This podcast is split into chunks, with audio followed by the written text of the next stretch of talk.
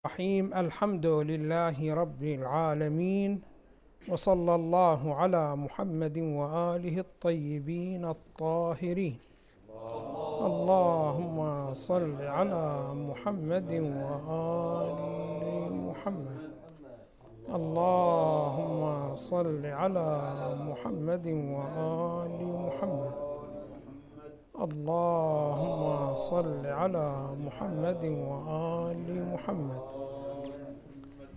يقع الكلام في المقطع الثاني من دعاء كميل. قال أمير المؤمنين سلام الله عليه يا نور يا قدوس يا أول الأولين ويا آخر الآخرين. اللهم اغفر لي الذنوب التي تهتك العصم اللهم اغفر لي الذنوب التي تنزل البلاء. اللهم اغفر لي كل ذنب أذنبته وكل خطيئة أخطأتها.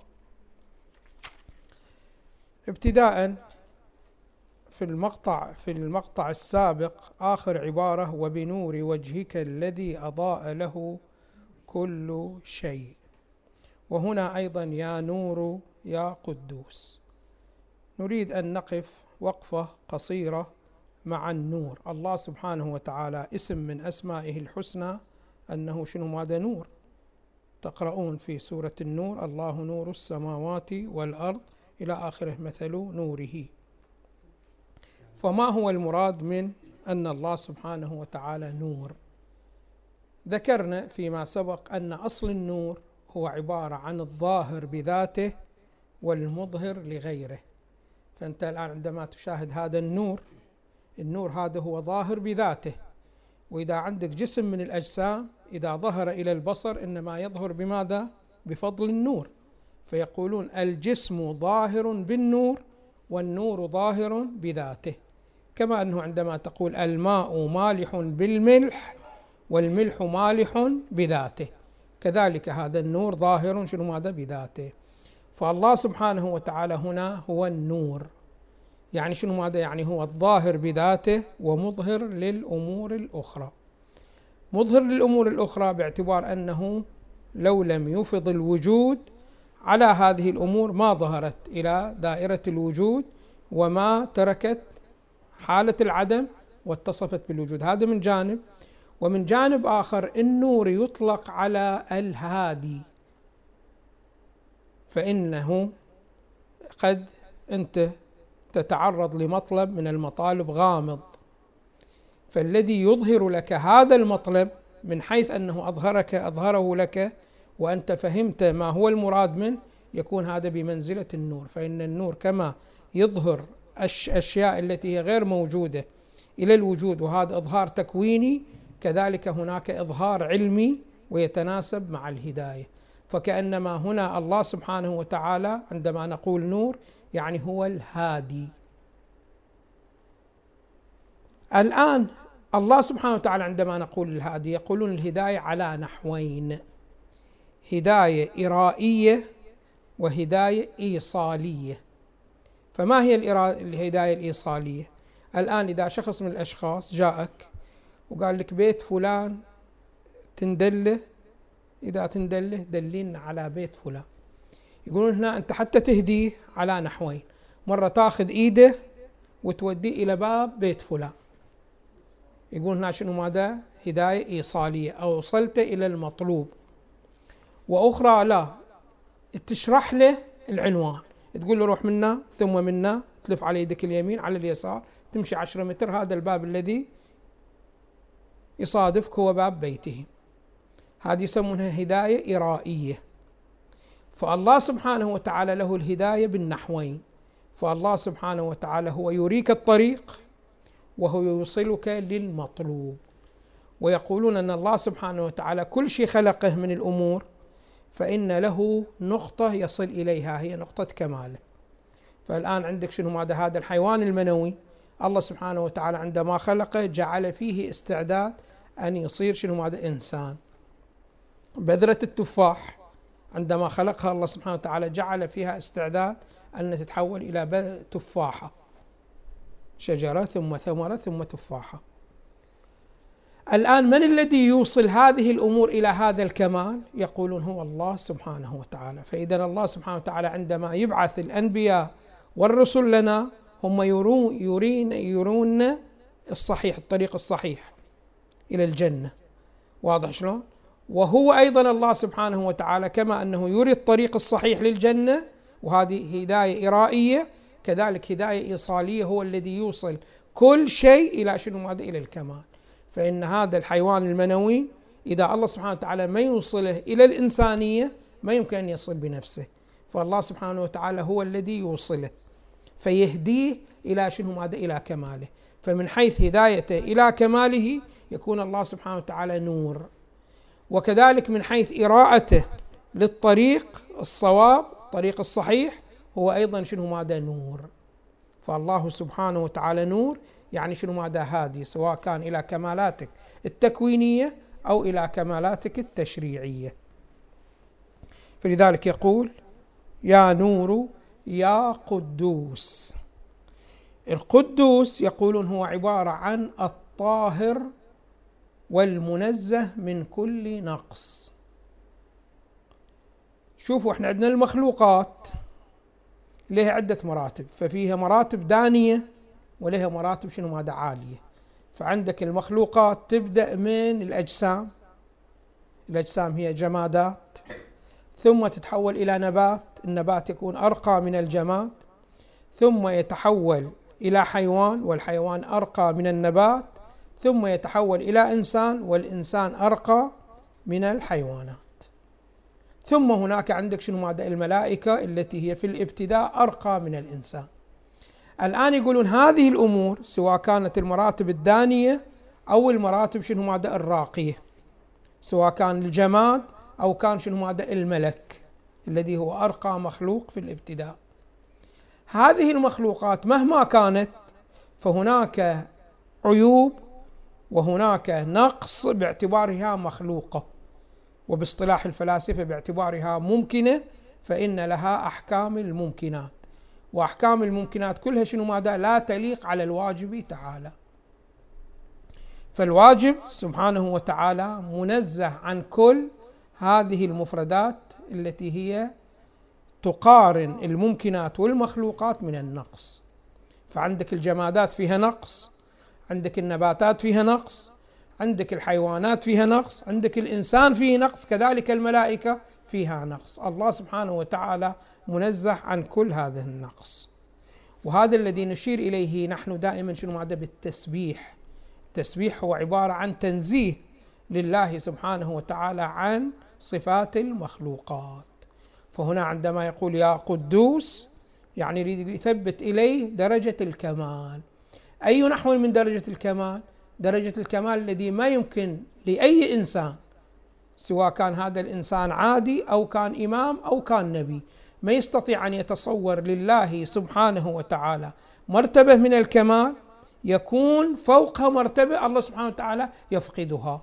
الله سبحانه وتعالى هو محض الكمال صرف الكمال بهذه الصورة. فعندما نقول يا نور يعني يا هادي الأمور إلى أمورها التكوينية وإلى أمورها التشريعية. وعندما نقول يا قدوس يعني يا مطهر عن كل نقص.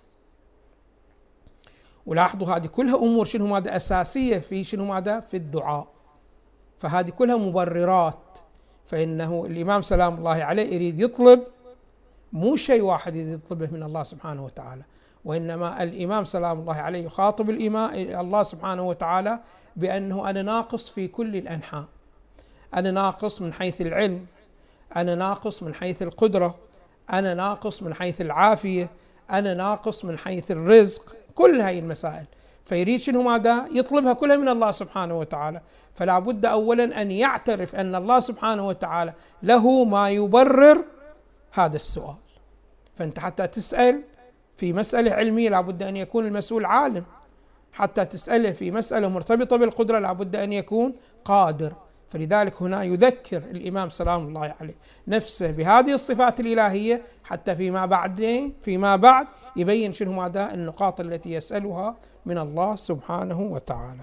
فلذلك يقول يا نور يا قدوس يا أول الأولين ويا آخر الآخرين. شوفوا عندنا إحنا مطلب أن الله سبحانه وتعالى يتصف بالصفات المتضادة يصف بالباطن وأيضا شنو ماذا؟ الظاهر. الأول وكذا شنو ماذا؟ الآخر. فكيف يمكن؟ يعني دائما إحنا عندنا إذا شيء باطن فما يتصف بأنه ظاهر كل شيء إذا كان شنو ماذا؟ باطن فهو ليس بظاهر وإذا كان ظاهر فهو ليس بباطن. وإذا كان أول فهو ليس بآخر وإذا كان آخر فهو ليس بأول. إلا الله سبحانه وتعالى. فإن الله سبحانه وتعالى هم ظاهر وأيضا هو شنو ماذا باطن. هم هو أول وهو شنو ماذا آخر. فكيف يكون هذا الأمر شوي المطلب. إحنا عندنا حيثية يمتاز بها الله سبحانه وتعالى عن كل الموجودات. وهذه الحيثية هي عبارة عن حيثية التقويم. فكل موجود سواء كان هذا الوجود جسماني أو مثالي باصطلاحهم أو شنو ماذا أو عقلي يعني ملك من الملائكة. كل هذه الله سبحانه وتعالى يقوم وجوداتها فلا تظنون بأن الله سبحانه وتعالى له منطقة جغرافية. هو يشغل تلك المنطقة الجغرافية ويخلو منه بقية المناطق الجغرافية. لا. وإنما الله سبحانه وتعالى يقوم كل وجود موجود. يقومه فهو معه بهذه الصورة. الآن أنت تعال شنو ماذا؟ الأول لأنه هو المبدأ هو المقوم لكل شيء فقطعا له هو الأولية قبل كل شيء. هي ما في عندنا مشكلة. باعتبار هو السبب الأول لكل شيء والسبب يتقدم على مسببه فهو شنو ماذا الأول؟ أما شلون يصير الآخر؟ هنا شنو ماذا المشكلة يقولون هنا بأنه الآخر هنا إشارة إلى مطلب وهو أن الله سبحانه وتعالى هو غاية الغايات. شوفوا دائما الغاية من الشيء دائما تكون متأخرة عن الشيء أم لا؟ تكون متأخرة عن الشيء. مثلا أنت عندما تقول أنا أصنع كرسي أقول لك لماذا تصنع الكرسي؟ تقول لي أستريح عليه. فالاستراحة متأخرة عن الكرسي أم لا؟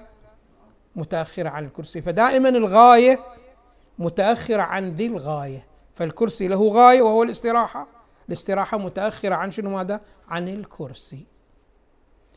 خب يقولون هنا في الغاية عادة هي تأتي في الجواب إذا سألت لما. عندما واحد يصنع الكرسي تسأل لما تقول لكي أجلس عليه. فهذا الجواب الذي هو واقع. كجواب عن السؤال بلما هذا يعبر عنه بماذا؟ بالغاية. والغاية دائما شنو؟ ماذا؟ متأخرة. الآن خلوا بالكم الغاية يقولون على نحوين.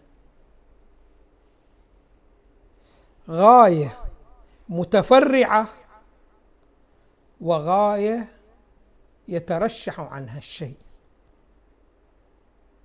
شوفوا عندهم مبحث في الأخلاق. يقولون إذا واحد راح عنده مرض أخلاقي تعلمون بأنه عندنا إحنا الأمراض على نحوين. عندنا أمراض بدنية وأمراض نفسية. الأمراض النفسية هي عبارة عن الأمراض الأخلاقية. فمثلا شخص من الأشخاص يكون شنو؟ ماذا بخيل. ما ينفق. لا على عياله ولا في سبيل الله فقير يعني بخيل جدا. البخل يقولون شنو؟ هذا مرض نفساني. خب هذا المرض كيف نتخلص منه يقولون هذا الشخص الذي يكون مريض نأمره شنو؟ ماذا بالإنفاق أولا. يضغط على نفسه وينفق. ينفق عملة صغيرة. مثلا شنو؟ ماذا يومية 25 فلس أو 10 فلس. يعطيه شنو؟ ماذا للفقراء. ثم نقول له شنو؟ ماذا زيدها واضح شلون؟ وهكذا شيء فشيء شنو ماذا يزيدها إحنا لماذا نفعل به هكذا صورة؟ حتى شنو ماذا يحصل على شنو ماذا على صفة الكرم. فنقول له انفق ثم انفق يقول إلى متى؟ نقول له حتى تحصل على صفة الكرم. صفة الكرم. الآن شنو ماذا حصل صفة الكرم؟ يجينا يقول شنو ماذا لا بعد خلاص. يكون شنو ماذا اترك بعد. تقول قلت لي انفق إلى أن تحصل على ملكة الكرم مثلا الآن حصلت عندي صفة وملكة الكرم نقول إحنا الآن إذا تقدر ما تنفق لا تنفق يقولون هو إذا وصل إلى هذا الحد ما يقدر ما ينفق واضح شلون؟ لابد شنو ماذا؟ وأن ينفق يقول هنا بعد صارت شنو ماذا؟ الصفة صارت ملكة فيه فتدفع إلى شنو ماذا؟ إلى الإنفاق بعد الإنفاق هنا مو ليحصل الملكة ويحصل الصفة. الصفة والملكة حصلها ولكنه شنو ماذا راح ينفق أنت عندما تجي تسأل هنا لماذا تنفق؟ وش يجاوب؟ يقول لك لأني كريم. فلاحظوا قبل كان ينفق حتى شنو ماذا يحصل صفة الكرم حتى أصير كريم. الآن لماذا تنفق؟ يقول لك لأني شنو ماذا لأني كريم. واضح شلون؟ فصار هو شنو ماذا غاية الإنفاق. غاية الإنفاق هو شنو ماذا الكرم. الآن هو صار شنو ماذا صار كريم. ولكن الكريم يترتب عليه صفة الإنفاق. يترشح عنها صفة الإنفاق. الآن يقولون كل الأشياء الموجودة في العالم هي الله سبحانه وتعالى أوجدها. تجي تسأل لماذا الله سبحانه وتعالى أوجد هذه الأمور؟ هل لكي يحصل على صفة هو يفقدها؟ المفروض بأن الله سبحانه وتعالى هو أكمل ما يمكن أن يتصور. ما يمكن أن تتصور أنه أكمل منه. إذا لماذا ينفق؟ يقولون لأنه يترشح عنه الإنفاق لأنه بحيث هو, هو رحمن ورحيم. واضح شلون؟ والرحمن والرحيم له صفات معينة تترشح عليه. فهنا بعد الصفة يقولون ترشحية. مو صفة شنو ماذا استكمالية يعني يتحقق بها ويستكمل وإنما الصفة شنو ماذا؟ ترشحت منه. ترشح منه هذا الفعل. فلأنه كريم يصدر منه الإعطاء. لأنه رحيم شنو ماذا يرحم؟ فما يفعل الفعل حتى يحصل صفة هو يفقدها. واضح شلون؟ فراح يكون هو شنو ماذا؟ هو غاية الأشياء. فيكون هو الأول باعتباره مبدأ. وهو الآخر باعتباره شنو ماذا؟ غاية تترشح عنها الأمور الموجودة. واضح شلون؟ فهنا يتضح لنا المراد شنو ماذا؟ ويا آخر الآخرين. اللهم اغفر لي الذنوب التي تهتك العصم. العصمة هو عبارة عن إصابة الرشاد وإصابة الصواب. يقابلها شنو؟ ماذا؟ الغي. والغي هو الابتلاء بالانحراف. فعندنا غي وعندنا رشد. الآن هناك مجموعة من الذنوب إذا الإنسان ارتكبها بعد يصير شنو؟ ماذا؟ عنده خلل في إمكانية إصابة الأمور الرشيدة شوفوا دائما من غي إلى غي آخر. فهنا في رواية عن الإمام السجاد سلام الله عليه يبين يسألون الذنوب التي تهتك العصم ما هي؟ قال شرب الخمر. قطعا إذا الإنسان شرب الخمر بعد الوعي ماله يروح فبعد شنو ماذا ما يقرر قرارات رشيدة وإنما كل قرارات شنو ماذا منحرفة اللعب بالقمار أيضا بهذه الصورة تعاطي ما يضحك الناس من اللغو والمزاح وإلى اخره هذه كلها شنو ماذا؟ تحجز الإنسان عن شنو ماذا؟ عن إصابة الأمور الرشيدة. فعلى أي حال هنا شنو ماذا؟ الإمام سلام الله عليه اللهم اغفر لي الذنوب التي تهتك العصم يريد دائما يطهر الله سبحانه وتعالى من كل ذنب هذا الذنب يعيق الإنسان عن بلوغ الرشاد وعن أمور وعن بلوغ الأمور الصحيحة واضح شلون؟ الآن شنو ماذا؟ في زمان الإمام السجاد سلام الله عليه كان الابتلاء بهكذا شيء مثلا شرب الخمر إذا واحد يتخذ قرارات غير رشيدة ولكن ليس من الضروري أن هذه الذنوب فقط تنحصر في هكذا أمور. لا هذه قد يكون شنو ماذا في ذاك الزمان كثير الابتلاء منها أو كان الإمام سلام الله عليه عنده بعض الجماعات بهذا النحو بهذه الصورة. فيركز الكلام على هذه الجانب. ولكن إحنا شنو ماذا في زماننا عندنا أيضا شنو ماذا ذنوب تهتك العصم فأنت دائما إذا عرض عليك أمر رشيد وأمر شنو ماذا منحرف ورأيت نفسك بأنه دائما تميل إلى الأمور المنحرفة فهذا معناه أنه أنت مبتلي ببعض الذنوب التي تهتك العصا. فتطلب من الله سبحانه وتعالى أن يغفر لك هذه الذنوب. والمغفرة طبعا شنو ماذا؟ هي عبارة عن ستر. فإن هذا الذنب له أثر. واضح شلون إذا غفر الله سبحانه وتعالى يستره فهذا الأثر شنو ماذا؟ يزول منه. اللهم اغفر لي الذنوب التي تنزل البلاء. أيضا عندنا رواية عن الإمام السجاد أيضا سلام الله عليه. يقول شنو ماذا؟ الذنوب التي تنزل البلاء يذكر مجموعة من الذنوب. ترك إغاثة الملهوف.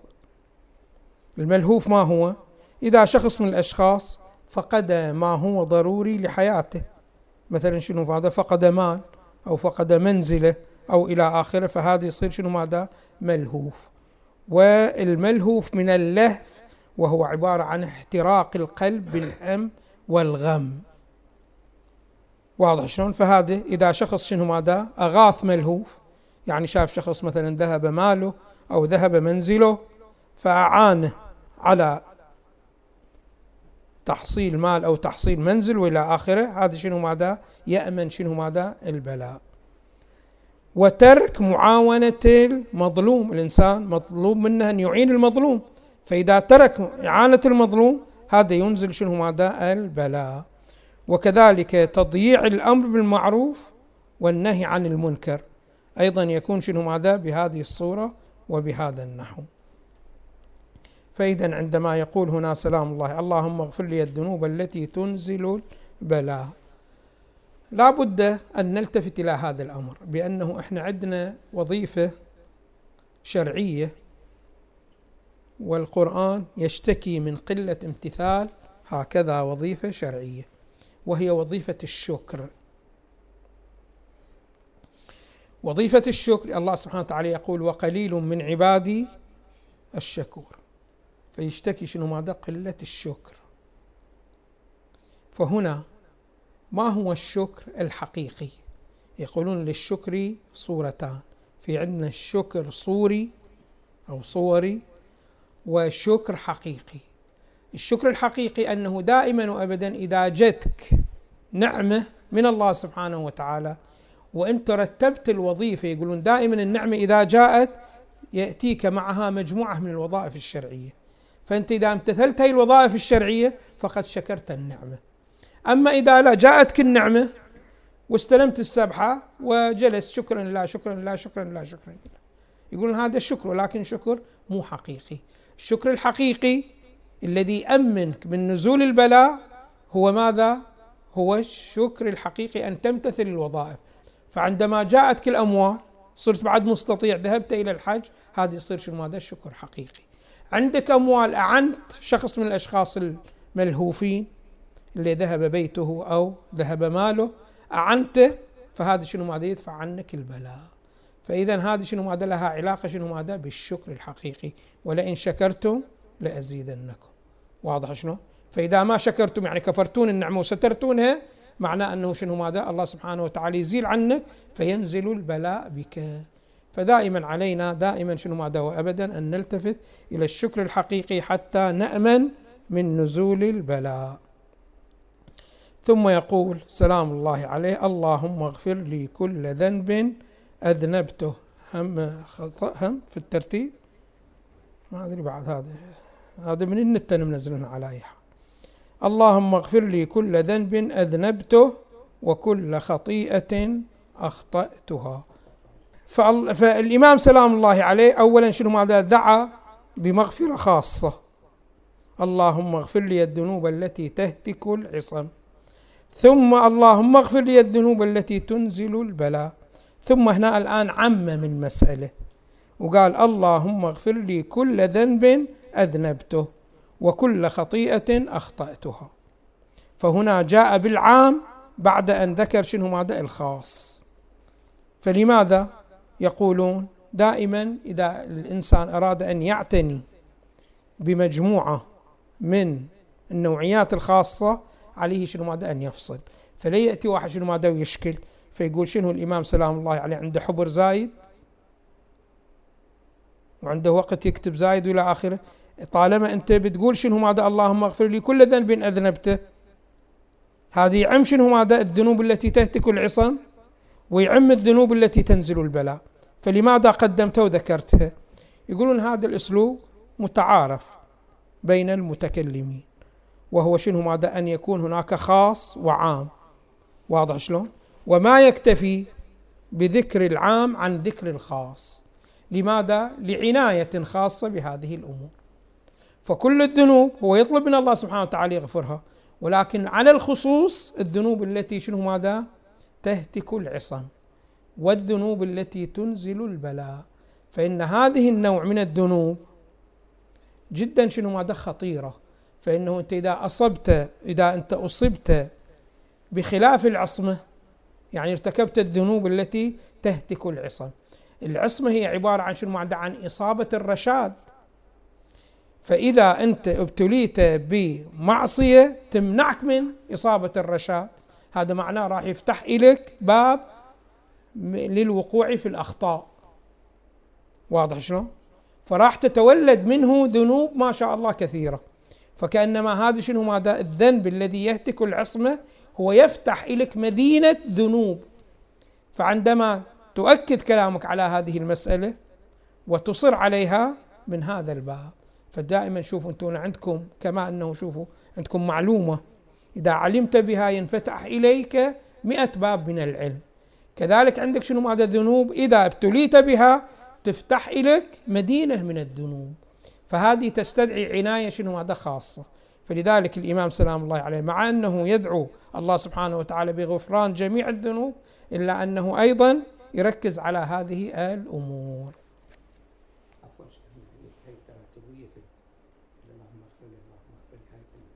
الآن هنا بعد اكتشفتون بأنه خلل موجود في العبارة. الموجودة إيه؟ فيها مثلا حيثية بحيث لازم يقدم هذا على أساس تنبثق من الأخرى يعني هو قطعا العبارة التي صدرت إلى الإمام سلام الله عليه وهو حكيم واضح شلون هو معصوم قطعا شنو ماذا الترتبية لها مدخلية في المعاني. ولكن هذا عندما شنو ماذا واحد ينقله يقول لك هذه المعاني أنا استفدت من كلام أمير المؤمنين سلام الله عليه.